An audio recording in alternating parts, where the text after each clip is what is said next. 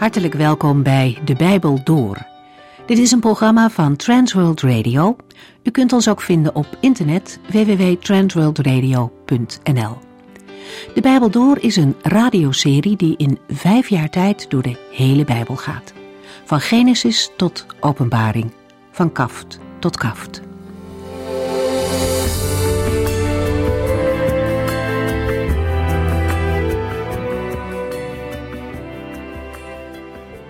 Jona heeft ingezien dat de plannen van de Heere groter zijn dan zijn eigen gedachten. Hij is het eens geworden met de Heere, maar wel op een moeilijke manier. De ervaring om drie dagen in een vis te verblijven moet vreselijk geweest zijn. Dat zou hij vast niet graag overdoen. Maar wat hij in die dagen van de Heere heeft gezien en de genade die hij intens heeft ervaren, die wegen daar ongetwijfeld tegen op. Wat is het voor gelovigen kostbaar dat we altijd terug mogen vallen op de genade van de Heere God. Wanneer alles ons ontvalt, is Hij er. God was nog niet klaar met Jona. Hij heeft hem zijn grote genade laten zien, maar dan moet Jona weer aan het werk. Nineveh is nog niet verwoest, maar dat is alleen aan Gods geduld te danken. De zonde van de stad is onveranderd groot en Gods oordeel komt eraan echter niet voordat de mensen gewaarschuwd zijn. De Heere oordeelt niet voor zijn plezier. Zijn hart gaat uit naar de mensen. Hij wil niets liever dan dat zondaren zich bekeren en zich laten redden. En daarom stuurt hij Jona. De vorige keer zagen we dat de Heere mensen een tweede kans geeft. Hij geeft het niet zo gauw op met zijn kinderen. Ook niet wanneer die kinderen een verkeerde weg zijn ingeslagen. We zien in Jona hoeveel moeite de Heere doet om de profeet weer op zijn weg terug te brengen. Gods weg is misschien niet de makkelijkste weg, en soms zullen we zijn weg ook niet begrijpen. Maar in Jona zien we echter dat het leven pas echt zwaar wordt zonder de Heere, wanneer Jona er alleen voor staat. Dat God hem op weg naar Nineveh leidde, was moeilijk te begrijpen voor Jona. Maar hij hoefde niet alleen te gaan. De Heere was bij hem. En die wetenschap maakt de allermoeilijkste weg toch goed begaanbaar. We gaan lezen hoe het Jona in Nineveh verging.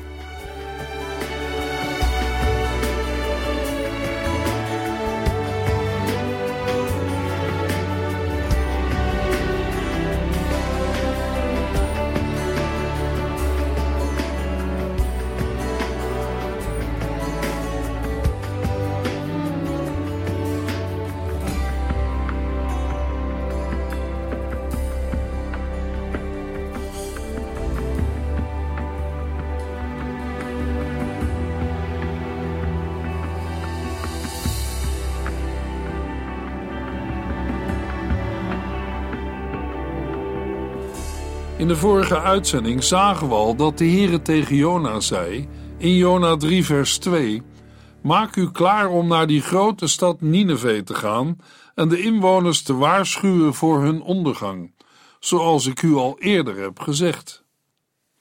In een andere vertaling lezen we voor de laatste woorden van vers 2: Breng haar de prediking die ik tot u spreken zal. Dat houdt in dat Jona de inhoud van de boodschap die hij moet brengen nog niet kent. De Heere zal hem die op het juiste moment te binnen brengen. Jona moet zich nu klaarmaken en gaan. Jona 3 vers 3 Deze keer gehoorzaamde Jona en ging op weg naar Nineveh. Nineveh was zo'n grote stad dat je drie dagen nodig had om er dwars doorheen te lopen. In vers 3 zien wij Jona op reis gaan. Hij is door de Heere uitgekozen, geroepen en nu ook door de Heere gewillig en bruikbaar gemaakt. Deze keer gehoorzaamde Jona en ging op weg naar Nineveh. Volgens sommige uitleggers moeten wij daarbij bedenken dat Jona al zuchtend zijn opdracht heeft aanvaard, zwichtend voor de goddelijke overmacht. Andere uitleggers laten Jona met een boos gezicht Nineveh binnenlopen. En daarbij heeft hij dan de houding en de woorden van zoiets als: Ik moet dit wel doen, maar ik ben het er niet mee eens. Maar na wat Jona tot nu toe heeft meegemaakt, zijn verandering in de grote vis, de woorden die hij tot de Heere heeft gebeden en de bijzondere uitredding van de Heere spreken zulke gedachten tegen. Nee, Jona is het eens geworden met de Heere. Dat hebben wij begrepen uit zijn gebed in Jona 2. We lazen in Jona 2 vers 6 U hebt mij tussen de kaken van de dood weggerukt. En in Jona 2 vers 8 horen we Jona zeggen Wie afgoden vereren, keren de genade van de Heere de rug toe. In Jona 2 vers 9 vraagt de profeet want hoe kan ik u genoeg danken voor alles wat u voor mij hebt gedaan? Mijn besluit staat vast. Ik zal met een loflied op de lippen mijn belofte nakomen, want verlossing komt van de Heer alleen. Dat zijn geen woorden van een profeet die mopperend en zuchtend door Nineveh heen loopt. Jona is het met de Heere eens geworden en gaat nu naar Nineveh, waar de Heere hem zal zeggen wat hij moet verkondigen. In het boek is het niet duidelijk naar voren te halen, maar in andere vertalingen lezen we dat Jona gaat naar het woord van de Heer. Dat heeft Jona ook zelf opgeschreven. Beter gezegd, de Heilige Geest heeft het hem zo laten opschrijven. Hij is het eens geworden met God en gaat naar Nineveh. Jona heeft vrede met Gods weg naar het woord van de Heer. Denkt u zich eens in. Straks klinkt de boodschap van Jona in die grote heidense stad. In het gedeelte dat volgt zullen wij de uitwerking van die boodschap zien. Maar u begrijpt wel dat er reacties zijn gekomen. Misschien van spelende kinderen en anders van de man in de straat, de autoriteiten of de afgezant van de koning.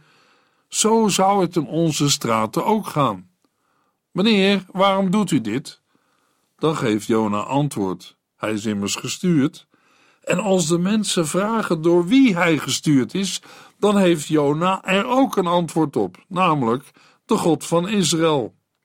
Denk aan wat Jona in hoofdstuk 1 tegen de bemanning en de passagiers heeft gezegd over de Heer. En als de mensen aan Jona vragen of zijn God inderdaad zo machtig is, dan zal Jona toch zijn eigen verhaal hebben verteld van zijn vlucht en van de storm en van de grote vis. En juist daarin klinkt de boodschap van Gods barmhartigheid. Jona is zelf een illustratie bij de boodschap die hij zelf moet doorgeven. Zo is God, barmhartig en genadig. Zo heeft Paulus ook verkondigd.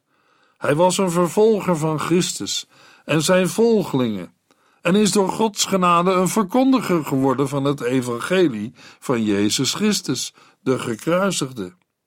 Hij schrijft aan Timotheus in 1 Timotheus 1 vers 16, maar God heeft mij vergeven, opdat Jezus Christus mij zou kunnen gebruiken als een voorbeeld om te laten zien hoeveel geduld hij heeft. Zo zullen anderen beseffen dat ook zij eeuwig leven kunnen krijgen. De Heere kiest en slijpt zijn instrumenten en stelt hen tot voorbeelden.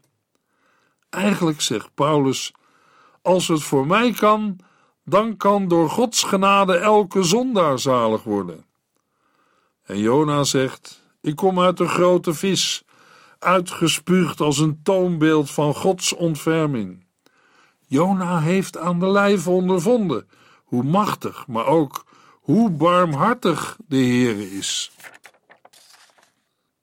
Jona 3 vers 4 Maar al op de eerste dag, toen Jona een dagreis ver in de stad was rondgegaan en begon te prediken, toonden de inwoners berouw. Jona riep de mensen die zich om hem heen verzamelden toe: Over veertig dagen zal Nineveh worden vernietigd. Vanaf vers 4 vraagt ook de inhoud van de boodschap zelf onze aandacht. Misschien valt de toespraak van Jona u wel een beetje tegen. Maar laten we niet vergeten, de boodschap komt niet van Jona. We hebben immers gelezen dat de Heere hem de boodschap in de mond zal leggen. De Heere had gezegd: Breng haar de prediking die ik tot u spreken zal. De boodschap die de Heere Jona gaf was: Over veertig dagen zal Nineveh worden vernietigd. In die boodschap is, eerlijk gezegd, weinig evangelie te horen. Deze woorden hebben niets van een vertroostende, bemoedigende, blijde boodschap die een verkondiging in de naam van de Heere volgens velen toch moet hebben. In gedachten zie ik Jona gaan, vanaf het moment dat hij de poort van de stad is binnengekomen. Ook daaruit blijkt zijn gewilligheid, dat hij zijn werk niet heeft uitgesteld, dat hij niet eerst wat heeft rondgekeken. Hij is meteen begonnen, straat na straat op iedere hoek. Een dag lang, toen hoefde het niet meer. Niet omdat hij de stad al rond was, want daar had hij minstens drie dagen voor nodig gehad. Maar na een dag wist iedereen in de stad wat Jona te zeggen had. Hoe zal dat ongeveer zijn gegaan? Nou, ik stel het me voor zoals in de tijd dat er nog omroepers waren in een stad en rondgingen om burgers een belangrijk bericht door te geven. Of zoals het in de tijd van de Romeinen ging, als er een belangrijk bericht van de keizer moest worden doorgegeven. De mensen hoorden een signaal van een trompet. Ze komen erop af om te horen wat het bericht is. Waarschijnlijk had Jona niets bij zich dan alleen zijn stem. Maar dat zal hetzelfde effect hebben gehad. En de mensen geven het aan elkaar door of zeggen: Ga luisteren, dan kun je het zelf horen. Zo is het mogelijk ook in Nineveh gegaan. De een hoorde Jona roepen, een ander vraagt: Wat zegt die man? Een volgende vertelt: Hij zegt dat onze stad over veertig dagen wordt verwoest. Het wordt het gesprek van de dag. Op straat en thuis, op de markt, in de herberg, in de poort en in het paleis. Nog veertig dagen. Wat is de zin van zo'n boodschap? Daar maak je mensen toch alleen maar bang mee, want het is blijkbaar onvermijdelijk. Luister, nog veertig dagen. Hoe komt Jona daarbij?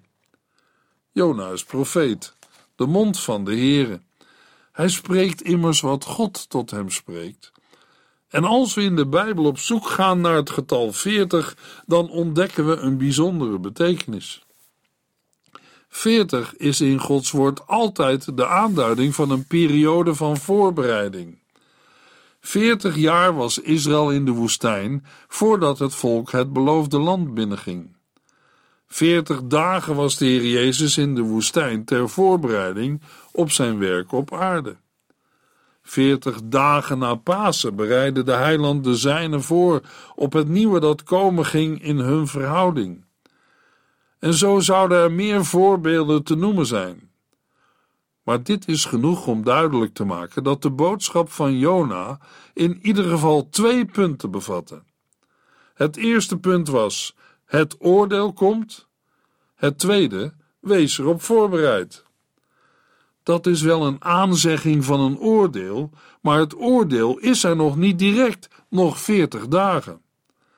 Dat wil zeggen, het oordeel komt, maar er is nog een tijd van genade waarin de Heere wacht, omdat hij niet wil dat sommigen verloren gaan, maar dat alle tot bekering komen.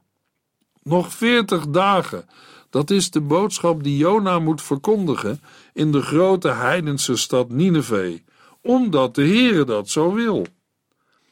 Zo hebben ook de andere boodschappers van de Heere Gods boodschap doorgegeven, bijvoorbeeld Noach. In zijn tijd bleef de Heere maar liefst driemaal veertig jaar, 120 jaar lang wachten in grote verdraagzaamheid en veel geduld. Wij horen dezelfde boodschap uit de mond van profeten en apostelen, maar vooral uit de mond van de Heer Jezus zelf. Die boodschap klinkt als de heiland spreekt over een deur die gesloten wordt, een genadetijd die ten einde loopt, een oordeel dat scheiding brengt. Het is de barmhartige God die wil dat zijn boodschap eerlijk wordt doorgegeven. Stel u voor dat die boodschap toen en daar niet geklonken had. Wat zou het gevolg zijn geweest?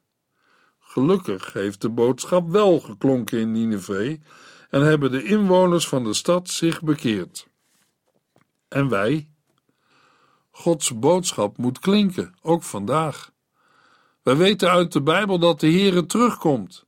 Hij heeft een dag bepaald waarop hij de mensen rekenschap zal vragen van alles wat ze op aarde hebben gedaan.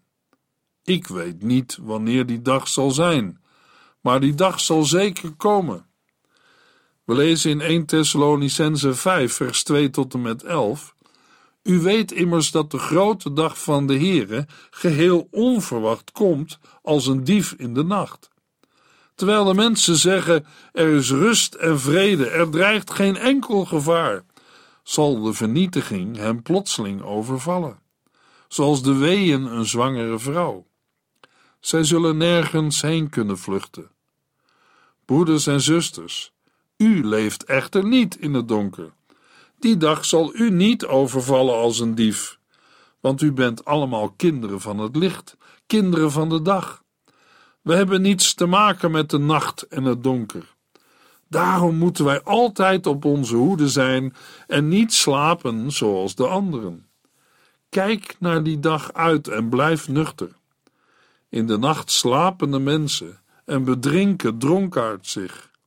Maar laten wij die bij de dag horen nuchter blijven.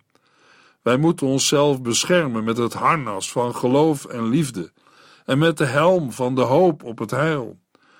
Want God heeft ons niet bestemd om door Hem bestraft te worden, maar om gered te worden door onze Heer Jezus Christus. Jezus is voor ons gestorven om ons voor altijd met Hem te laten leven.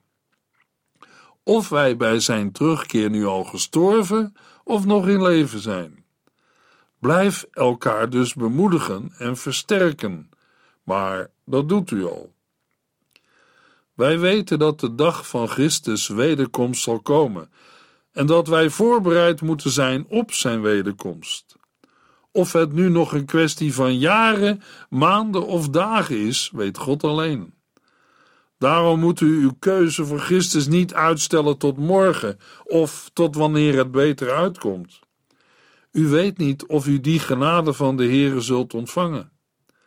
In de Bijbel lezen we de woorden: Nu is het de wel aangename tijd. Nu is het de dag van de zaligheid. Stel niet uit tot morgen. Heden, als u zijn stem hoort. Als de Heere vandaag een punt achter uw leven op aarde zet, bent u dan geborgen achter het bloed van het Lam, Jezus Christus? Zijn uw zonden verzoend en uw schuld betaald? De inwoners van Nineveh hebben zich bekeerd. Maar wat zal u en zal jij doen? Want elke dag, elk uur brengt ons nader bij de grens van leven en dood. Hoort u dan bij de scharen die niemand tellen kan? Of moet de Heer u wegsturen, omdat u geen vertrouwen hebt gehad in de naam van Gods enige Zoon? Van de inwoners van Nineveh lezen we in Jona 3 vers 5. Zij geloofden hem en riepen een vaste uit. Zowel de hooggeplaatsten als de gewone mensen trokken rouwkleding aan. De ruwe, stugge gewaden die bij treurige gebeurtenissen werden gedragen. Jona heeft er geen gras over laten groeien. Onmiddellijk na de hernieuwde opdracht van de Heere om naar Nineveh te gaan, is hij op stap gegaan. En meteen nadat hij de stadspoort van de Assyrische hoofdstad was binnengegaan, had hij zijn mond opengedaan. Een hele dag lang heeft het geklonken over straten en pleinen. Over veertig dagen zal Nineveh worden vernietigd. De uitwerking van die boodschap laat niet lang op zich wachten. Jona hoeft niet eens de drie dagen vol te maken die nodig waren om heel de stad rond te trekken. Al na één dag komt er een massale volksbekering op gang. Als wij het hebben over de ongelofelijke dingen die in het Bijbelboek Jona worden vermeld, is dit er ook een van. Zij geloofden hem en riepen een vast uit. Wat in Nineveh gebeurt, vindt zijn weergaan niet in de wereldgeschiedenis. Gaat u maar na. In de oude wereld is Noach 120 jaar lang actief geweest als boodschapper van Gods naderende oordeel. Vooral in de laatste week van die periode zal hij met grote klem gesproken hebben over de noodzaak om de Here te dienen en naar de ark te komen, om daar een veilige schuilplaats te hebben en niet om te komen. Maar de mensen geloofden hem niet. De hoorders leven gewoon door totdat de zondvloed komt en de hele mensheid verdrinkt, met uitzondering van het gezin van Noach. Een ander voorbeeld uit de Bijbel. In de nacht voor de ondergang van Sodom gaat Lot naar zijn aanstaande schoonzoons om hen te waarschuwen, maar zij denken dat hij een grapje maakt. En koning Joachim van Juda hoort de boekrol van de profeet Jeremia voorlezen. Ook het gedeelte uit Jeremia 18, dat spreekt van Gods handelen met mensen die zich wel en niet bekeren. Maar Joachim snijdt de boekrol in stukken en gooit de stukken in het vuur. En hij was nog wel een nakomeling van David. En in het Nieuwe Testament lezen we dat de Heer Jezus van Jeruzalem, de stad van God, moet zeggen, in Matthäus 23, vers 37. Jeruzalem, Jeruzalem, stad die de profeten vermoordt en de mannen die naar haar zijn toegestuurd doodgooit met stenen. Hoe vaak heb ik uw kinderen bij elkaar willen brengen, zoals een hen haar kuikens onder haar vleugels bijeenbrengt, maar u hebt niet gewild. En hoe zouden de mensen in onze tijd reageren op een profeet die op onze straten en pleinen Gods boodschap zou roepen? Wat zouden wij kunnen verwachten? Mensen die spotten, die de schouders ophalen, die roepen dat die profeet zijn mond moet houden. Mensen die hem, net als de apostel Paulus, de stad uitgooien of hem zelfs doden, zoals de mensen met de Heer Jezus deden.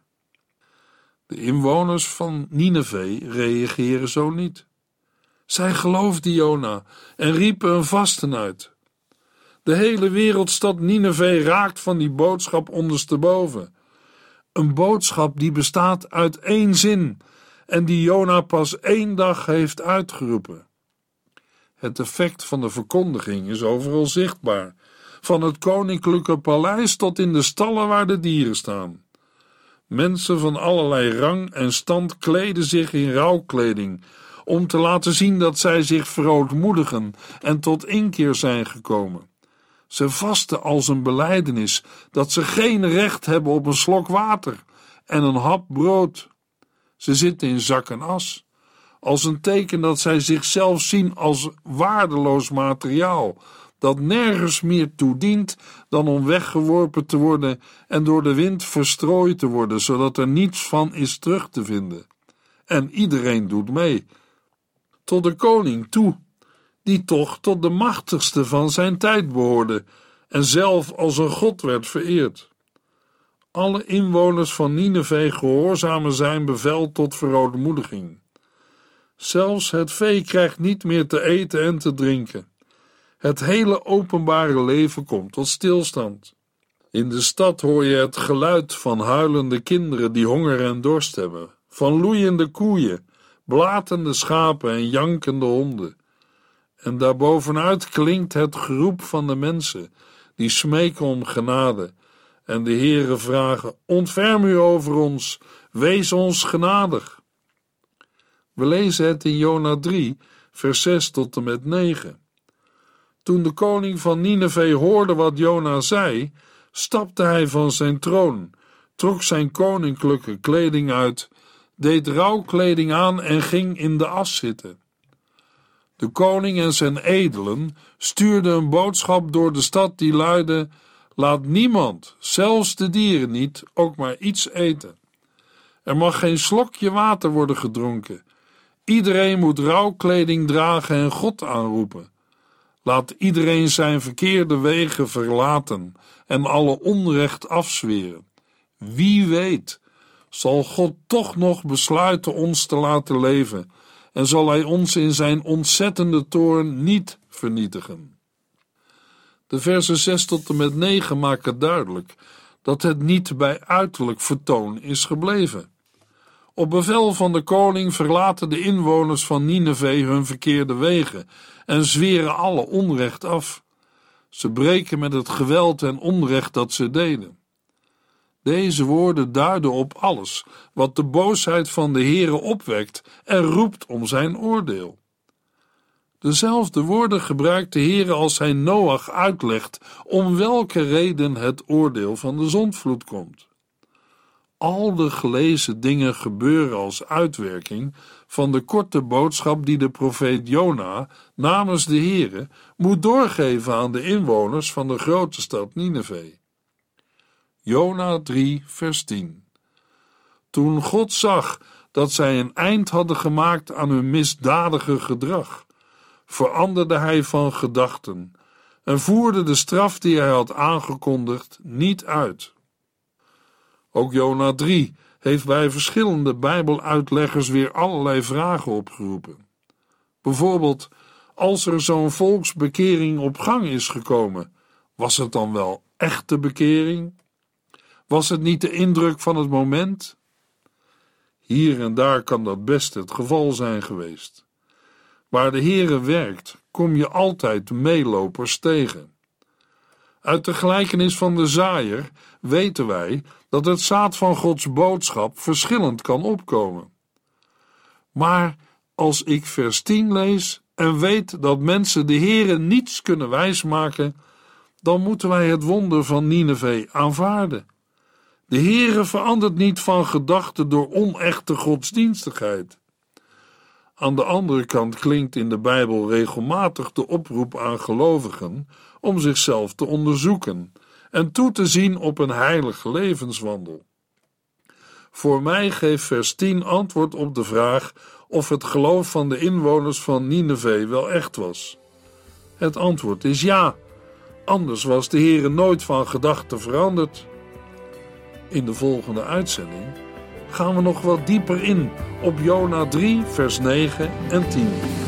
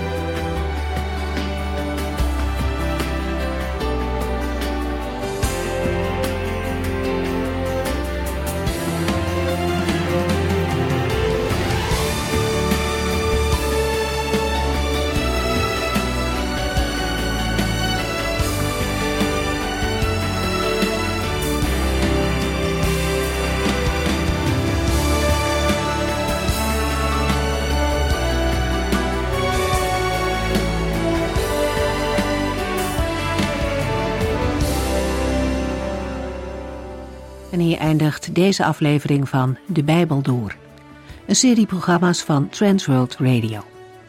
Wilt u ons iets vragen of meer weten? Dan kunt u altijd contact met ons opnemen. Bellen kan overdag met 0342 478432.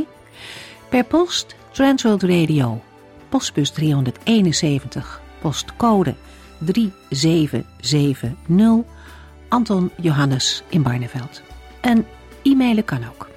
De Bijbel door at transworldradio.nl En natuurlijk ook via onze website transworldradio.nl Dit programma werd gepresenteerd door Cor Weda en Ike André. En namens iedereen die er nog meer aan meegewerkt heeft, graag tot de volgende keer.